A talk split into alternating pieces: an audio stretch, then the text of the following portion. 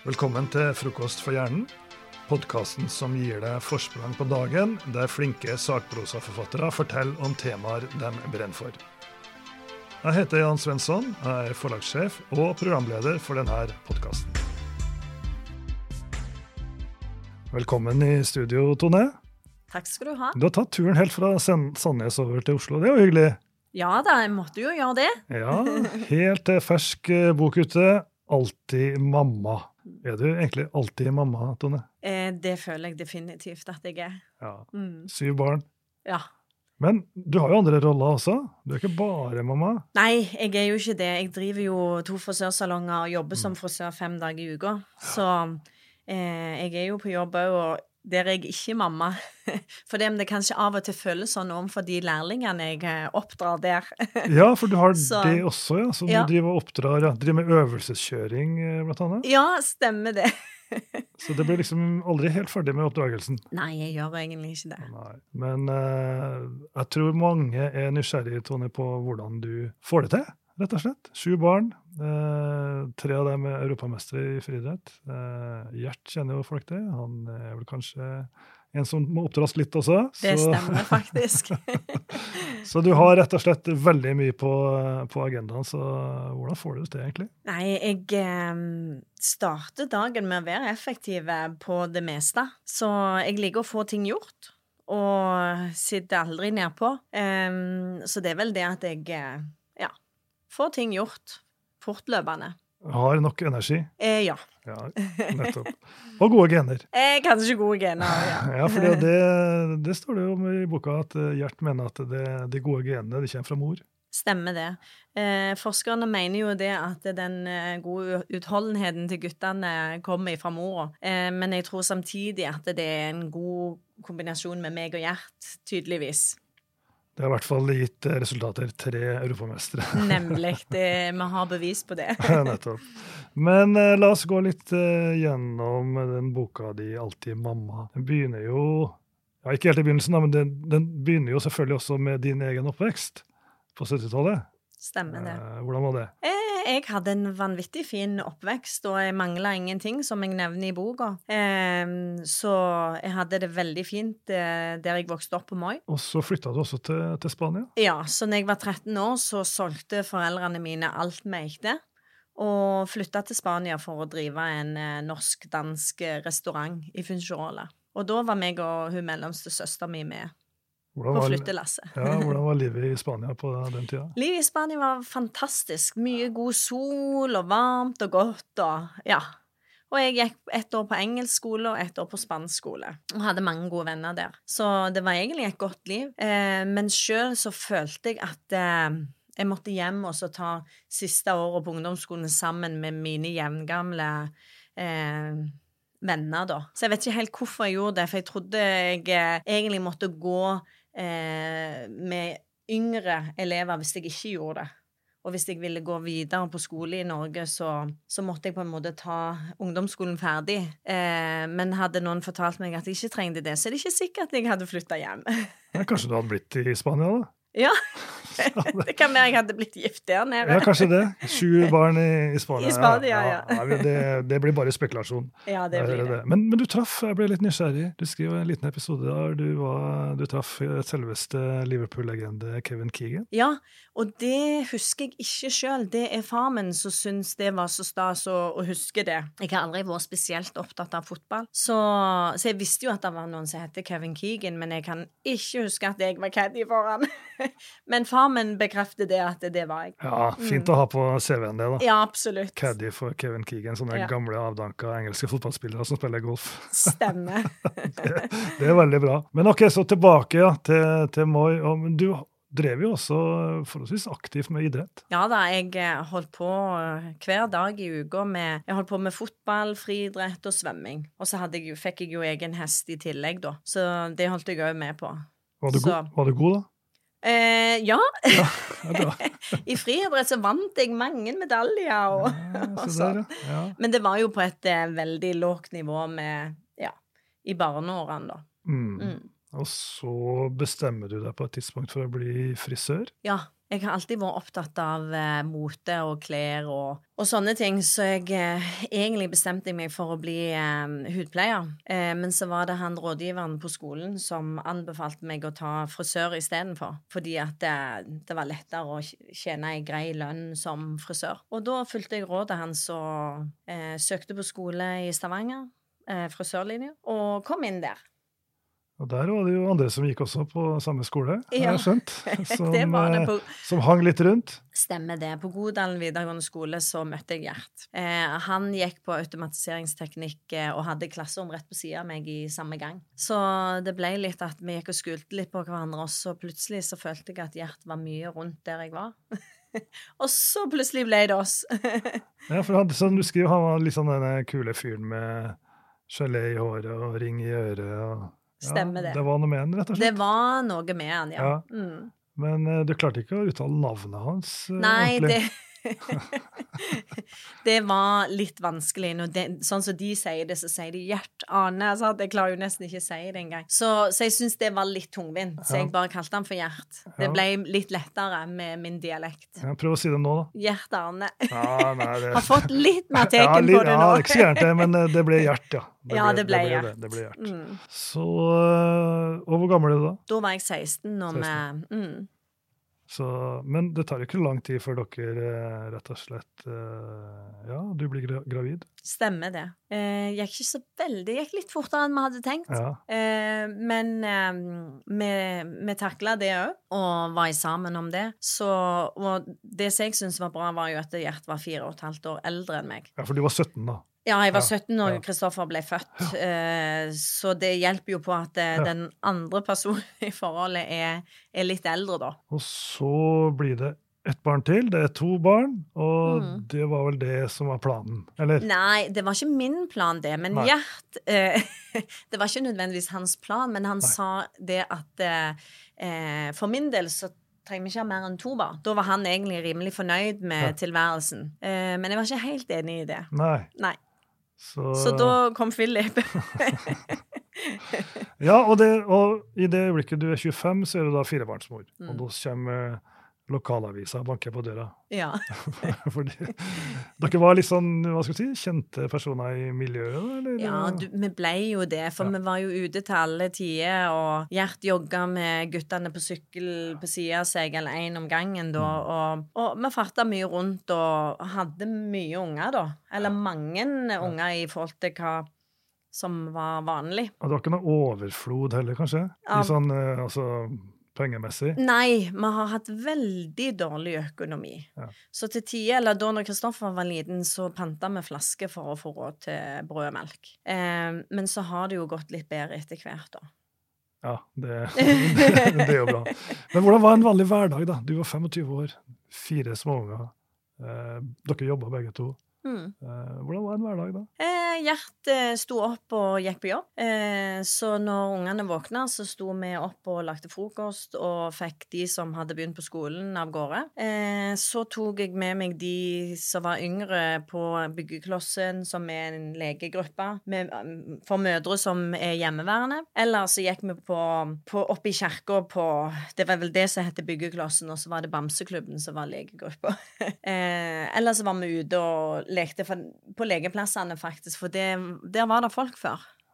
For det var flere mødre som var hjemme med ungene sine. Det var ikke alle som gikk i barnehage da. Barnehageplassene kosta nokså mye penger for per barn. Eh, så, og jeg jobbet deltid, så jeg gikk på jobb når Gjert kom hjem. Jeg jobbet fra fire til seks Nei, til eh, klokka åtte, mener jeg, på kvelden. Og så mye lørdager. For det var godt å samle litt timer der ble mange timer. Og eh, forholdsvis aktivt uh, fritidsliv i familien. Uh, mye idrett. Hvilket øyeblikk er dere innser at her er det unger med stort talent for idrett? Og vi så jo tidlig at de var motorisk flinke til det meste, liksom, og eh, hadde fart på beina og, og, sånn. Men vi peila de på en måte ikke inn i på noe spesielt. De fikk på en måte velge. Alle har spilt fotball, og alle, de fleste har gått på ski. Og så er det jo friidretten etter hvert som ble eh, det vi har landa på, da. Det var veldig seint i prosessen at eh, vi innså at eh, de virkelig var gode. Det var ikke noe dere liksom tenkte da de var små, at eh, det her skal vi jammen bli toppidrettsutøvere? Definitivt ikke. Nei, det var ikke i tankene våre. For de hadde på en måte i seg likevel? Ja, de hadde det i seg, og vi tenkte aldri så stort og så, eh, så voldsomt. Det er på en måte guttene Det er vi som har fulgt etter guttene når de vil mer og mer, ikke sant? For ofte så gir jo ungene seg når de, før de er 18 år, liksom, sant? Det er jo mest vanlig. Mens våre ville hele tida strekke seg etter nye mål, da. Så da har vi egentlig bare hengt etter de, og så har eh, resultatet blitt som det har blitt. Må kunne sies å være ganske vellykket, det, ja. Men, ja. men da er det jo selvfølgelig eh, Gjert er jo trener for de, gutta her, eh, og far selvfølgelig. Men er det noen likheter mellom det å trene toppidrettsutøvere og drive med barneoppdragelse? Du har jo mye erfaring i barneoppdragelse. Ja. Der er vel en viss likhet at eh, du må for, for å nå et mål, så må man jo gå Altså ta konsekvensene og, og gå gradene opp igjennom. Så, sånn er det jo med, med barneoppdragelse òg, liksom. At alle må høre etter på hverandre, og alle må lære seg visse ting opp igjennom og, og sånn. Så, så det har vi vært nokså samstemt om, liksom. Ja, tydelige regler. Ja, Eh, og tydelige regler, og og målene er jo alltid større innen friidrett Ja, enn en i barneoppdragelsen, da. Men, eh, men vi foreldre har jo mål der, med å oppdra for veloppdragne unger, da. Og da er jo mammas rolle meget viktig, da. Og jeg vet, jeg vet jo at det står eh, hjemme ved kjøkkenet deres eh, en liten plakat der det står 'Mammas hotell er alltid åpent'. Ja. Hvorfor gjør du det? Det var en eh, plakat som Henrik fant når han var på Kvadrat en dag han var og handla for noen år siden. Og den syns han passte veldig godt til meg, og, og det føler jeg kanskje litt sjøl òg, for jeg syns det er et greit eh, sitat, og det, det er sånn jeg ønsker det skal være, liksom. Så det er ikke noe, ja, så det er en positiv, eh, positivt budskap. Det er ikke noe som du føler som en, eh, at det må, at det er en tvang, nærmest? Nei, alltid jeg, nei, jeg føler det ikke sånn. Jeg syns det Vårt hjem er alltid åpent for ungene våre. Så, så hvis de trenger å gå inn, så, så har de en kode og går inn hva tid som helst og låner og eh, kommer på besøk og kommer til middag og Ja. Så, og, og det er sånn jeg ønsker det skal være. Eller sånn ønsker vi begge det skal være. Ja, Mm. Så ser jeg ikke på det som hardt arbeid, liksom? Det, Nei. nei. Nei, det å ha ungene komme innom Nei da, jeg syns ikke det. Og hvis det, sånn som Henrik, hvis det, familien er syk, så bare han om å få overnatte i leiligheten. Så det blir fort at man eh, må reie på i seng og to og, og sånn. Men det, det er bare greit. Veldig koselig. For du skriver jo eh, som en slags sånn motto for denne boka her, er at eh, du ønsker å vise frem alt det usynlige arbeidet som foreldre gjør. Eh, vi mødre gjør jo veldig mye av den jobben hjemme fortsatt. Det er jo alltid er jo noen menn som bidrar, selvfølgelig, men ofte er det jo mødrene som, som tar mesteparten. Og hjemme hos oss er det jo jeg som tar alt. Men det betyr jo at Gjert han har jo en jobb utenom med å være trener, så det har jo blitt sånn at jeg tar det. Og det er jo en, eh, en jobb som man gjerne tar litt for gitt. Eh, og det er jo sånn at det, det første når han ikke blir gjort, at eh, familiemedlemmer legger merke til det. Eller at de får et eget hjem og ser faktisk hvor mye det er. Det står jo veldig mye fine ord om deg, Tone, i boka. Eller ikke som du skriver sjøl, men det er familiemedlemmene som sier at Ingrid, som da er 14, dattera di, mamma er litt av alt. Hun er mer enn en mamma. Hun er det nærmeste som skjønner deg. Ja, Det er vakkert sagt. ja det er jo Ja, det. men det, det, det viser jo stort spenn det er i det å være en mamma òg, da. Ikke sant? Ja. Det er ikke bare å tørke støv, liksom. Nei da, vi har jo veldig mange roller, så det er hvis man begynner å tenke på det, så blir man jo nesten litt skremt av Mm. hvor, Ja. hvor viktig rolle man egentlig har. Eh, men eh, jeg er veldig takknemlig for å få lov å være mamma til syv. Ja, og det virker som, eh, det har man jo sett i Team Ingebrigtsen, og det leser man jo i boka her, at eh, det er et veldig samhold i den familien her. Hva er hemmeligheten bak det? Ja, hva er hemmeligheten? Vi har alltid liksom vært samla om det meste. Eh, og det har vel smitta litt over på guttene opp gjennom oppveksten. Eh, og de er jo veldig glad i hverandre, så når noen trenger litt backup eh, og støtte på et eller annet, så, så er de der og støtter hverandre. Det er jo snart jul, Tone. Eller, nei, det er ikke det, da. Jo, det er faktisk ja, det. det. det. Du, har du begynt juleforberedelsene nå, eller? Nei, jeg har ikke det. Litt tidlig. det er litt tidlig, men, Men du har en veldig, veldig effektiv metode. Det, yeah. Å stelle til jul, det har jeg lest om. Hva gjør du da? Eh, med jul? Ja, Ja, jeg eh, har julekalender til ungene. Er det det du refererer ja til? for eksempel. Det er mange pakker i den julekalenderen. Ja, det er det. Jeg har liksom et mål om at fordi om de er syv, så skal de ikke lide av det. Sånn at det, når de eldste har fått eh, pakkekalender opp igjennom, så må alle syv få det. Så eh, nå er det jo bare to som bor hjemme, så da er det jo de to så Så nå er det jo veldig lett jobb å bare ha eh, bli 48 pakker, da. Og så får de andre en mer en sånn en eh, flakskalender i, når de kommer innom. Ja. Nettopp. Og det er, vel, eh, det er vel ikke Gjert som eh, kjøper julegaver? Eh, nei. Nei. Hadde det vært opp til Gjert, så hadde vi kjøpt julegaver på julaften. Ja, Og de som eh, kjenner til det å handle inn julegaver, skjønner vi at det går jo ikke. Hei. Eller lille julaften. Det blir litt stress, og det blir Og lille julaften har vi jo vår berømte eh, vennefest for alle ungene. ja, det har jeg hørt om. Da er det Ja. fullt hus. Da er det fullt hus. Ja. Jeg tror vi var oppe i 45 eller 48 nå sist jul. Ah, okay. Ja. For da er det hvert barn eh, får invitere Det var liksom fem venner hver, men de klarer ikke å holde seg innenfor det. Så da blir det liksom flere og flere. Og de kan liksom 'Mamma, jeg må ha med Han, han er i gjengen.' ja. Eller Ingrid. 'Hun er i gjengen.' Sant? Ja, da, kom igjen. Og så er julaften dagen etterpå. Da er det julaften. fullt kjør da òg. Ja da. Ja. ja, men det høres hyggelig ut. Men eh, ja, du er jo ikke bare mamma, som sagt. Du, er også, du eier to frisørsalonger, og du har medarbeiderne der. Ja. Eh, som du delvis oppdrar også. Ja. Er du litt sånn eh, streng hjertetrener, da, eller eh, hvordan gjør du det? Nei, definitivt ikke. Nei. Jeg er nokså lett å ha med å gjøre, tror jeg. Men jeg prøver jo å Noen er jo nødt for å være sjefen.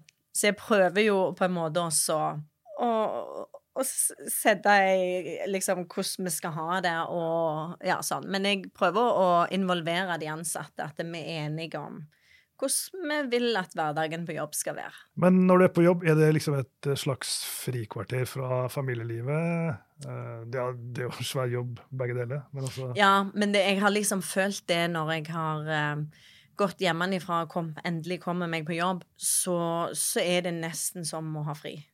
For da er det bare den kunden jeg har i stolen, jeg konsentrerer meg om, og jeg snakker med voksne folk, og de krever ikke så mye av meg, på en måte.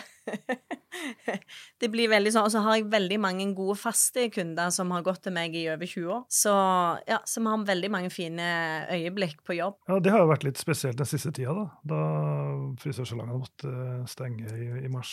Ja da. 12. mars, eh, da ble vi nedstengt seks og en halv uke. Ja. Så det var veldig spesielt å Ja. oppleve. Og det var jo spesielt for, hele, eh, for alle, selvfølgelig, men også Ja. for en idrettsfamilie som dere er. da. Ja, det var litt spesielt når du Altså, vi er jo vant med den hygienen og alt. Det var ikke så, så mye nytt for oss. Alle som kommer hjem til oss, må rett inn på badet og vaske hendene uansett. Men det er jo den usikkerheten med de mesterskapene og OL og alle løpene som guttene hadde forberedt seg til. Det var jo det som ble usikkerheten her. Og, og i tillegg frisørsalongen, selvfølgelig, som, som ble nedstengt. Sant? Det var jo et sjokk. Men uh, vi kom oss igjennom det òg. Og guttene har klart å omstille seg til at det ikke ble EM i Paris, og det ble heller ikke noe OL i, i Tokyo. Så det ble noen få Diamond League-løp, Mm. men de ble annerledes. Så, så de er veldig flinke å, å snu seg. Vi må jo snakke litt mer om, eh, om løpegutta, så klart. Altså, du har jo selvfølgelig vært med dem rundt om på alle mulige slags mesterskap. Jeg bare ser for meg hvordan det må være å sitte på tribunen. Du har med deg et helt eh, lag med slektninger og venner, og så ser du tre sønner på startstreken samtidig Mm. i et EM eller VM. Hvordan, eh, hvordan er det? Eh, det er Jeg er jo selvfølgelig vanvittig stolt, det må jeg jo først begynne med. Ja. Men sånn følelsesmessig så er det jo helt forferdelig.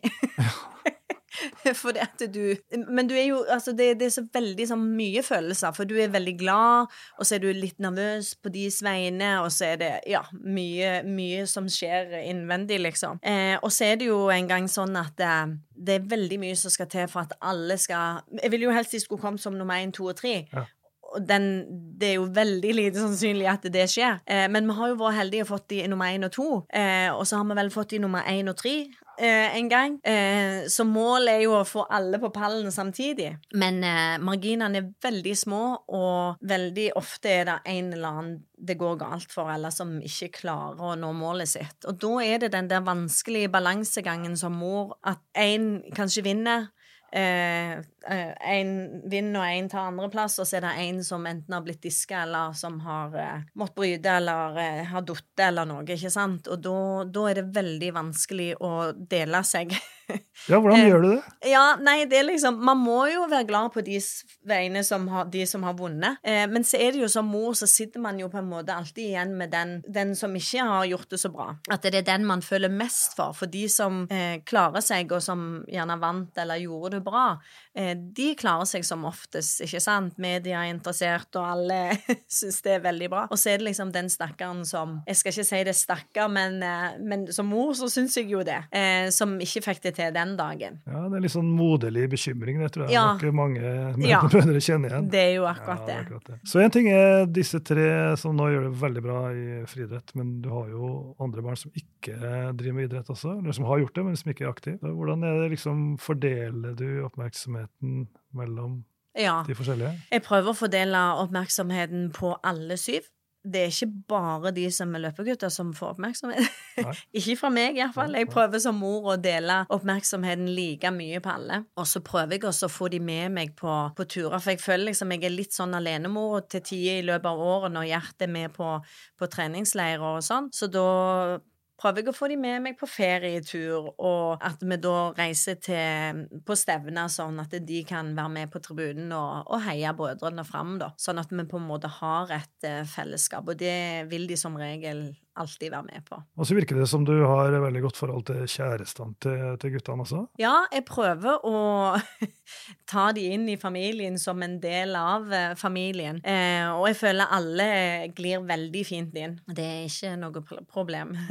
Gjert var kanskje ikke fullt så begeistra til å begynne med? Nei, til å begynne med, for han er jo veldig trener i hodet sitt. Så han er jo redd for alle nye ting som kan forstyrre guttene sin eh, prestasjon og mål, så er han skeptisk, ikke sant? Men etter hvert nå så har han vel sett at de mer gjør de godt enn at de ødelegger for målene deres. Og der har du kanskje hatt en rolle òg, da? Som, eh, ja, jeg ja. har nå prøvd å være med også. ja, da er vi jo litt tilbake til OK, du og Gjert ble sammen da du var 17 og fortsatt eh, henger sammen. og det, Da lurer man jo på hva er hemmeligheten der? Ja, hva er hemmeligheten? Eh, vi har vel alltid vært sammen om ting. Vi går ikke f.eks. på byen alene, hver for oss. Eh, når vi har fritid, så er vi sammen, for det er ikke så mye fritid. Og når du har syv barn, så går mye av tida til det. Så når vi først har litt tid, så, så gjør vi mest mulig sammen. Og det er ikke så veldig mye tonetid ellers? Nei, der er lite tonetid, men jeg har ikke følt det behovet. Jeg har liksom først nå blitt på en måte litt oppmerksom på at det kanskje Tone skal begynne å ta seg tid til seg sjøl. Men jeg føler egentlig ikke sånn behov for det, for jeg er så fornøyd med å få være med, med familien min at eh, da har jeg det bra. Og så er det kamera som følger dere innimellom, da. I Team Ingebrigtsens svært populær TV-serie. Hvordan, uh, hvordan, føler du Hvordan er det egentlig? Det går egentlig veldig greit. Det var jo litt rart til å begynne med, eh, men nå har de hengt på oss i så mange år, det er vel ti år nå, så nå er de nesten som et familiemedlem. men det som jeg sier, det, det går veldig greit greit, og de, ja, de henger egentlig bare på. Men det er alltid godt når de går hjem. Men når du ser deg sjøl på TV, kjenner du deg sjøl igjen, eller føler du at det er liksom, du spiller litt, eller er dette ekte? Ja, jeg føler alle er veldig ekte, og alt er sånn som det er hjemme mm. hos oss. Men det er jo selvfølgelig veldig rart å se seg sjøl på TV. Det blir man aldri vant med. Nei, og det følger jo mye oppmerksomhet uh, ut ifra det også. Hvordan, ja. Eh, hva syns du om det? Vi får veldig mye positiv uh, oppmerksomhet, og det er jo ikke vanskelig å ta imot. Uh, så det syns jeg går veldig greit, egentlig. Folk er veldig hyggelige og greie, og ja, som sagt kommer med gode tilbakemeldinger og gleder seg til neste episode. Ja, det, gjør- det gjør vi òg. Eh, som du sier, altså sju barn, eh, to barn eh, igjen hjemme. Hva skjer Ja ja, det er en stund til de flytter ut. William er vel seks, så det, Ja. det er noe igjen. Og han har forresten sagt at han skal bli bedre til å løpe enn de andre brødrene sine. Han, William har sagt det, men han er jo som sagt bare seks år, så jeg tror ikke helt han skjønner hva han, hva han sier. Så, men hvis han vil prøve å bli like gode som brødrene, så skal han få lov til det. Men eh, det er absolutt ikke et mål for meg og Gjert at verken Ingrid eller han nødvendigvis skal gjøre det. Men eh, har du sagt A, så må du si B, og hvis de vil, så må vi følge de òg. Og når de flytter ut, hvordan ser framtida ut da? Ja. det er heldigvis så lenge til. Ja, det Men eh, det er ikke noe jeg har begynt å bekymre meg over. For nå er det jo eh, skal vi se, fem stykk som eh, har flytta ut. Så jeg har på en måte fått øvd meg litt eh, fem ganger nå. eh, så jeg eh, håper det går bra når Jakob Nei, William. Når William er kommet i den alderen at han flytter ut. Og så har det seg sånn at akkurat nå har jeg tre av sønnene mine boende i nabolaget. Så når de ikke flytter lenger enn det, så er det kjempefint. Da høres det ut som det skal gå veldig greit. Da går det veldig bra. Ja, ja. Nei, men da har vi blitt uh, litt mer kjent med deg og med boka, Tone, så da anbefaler alle å lese uh, Alltid mamma. Og tusen takk for praten. Bare hyggelig.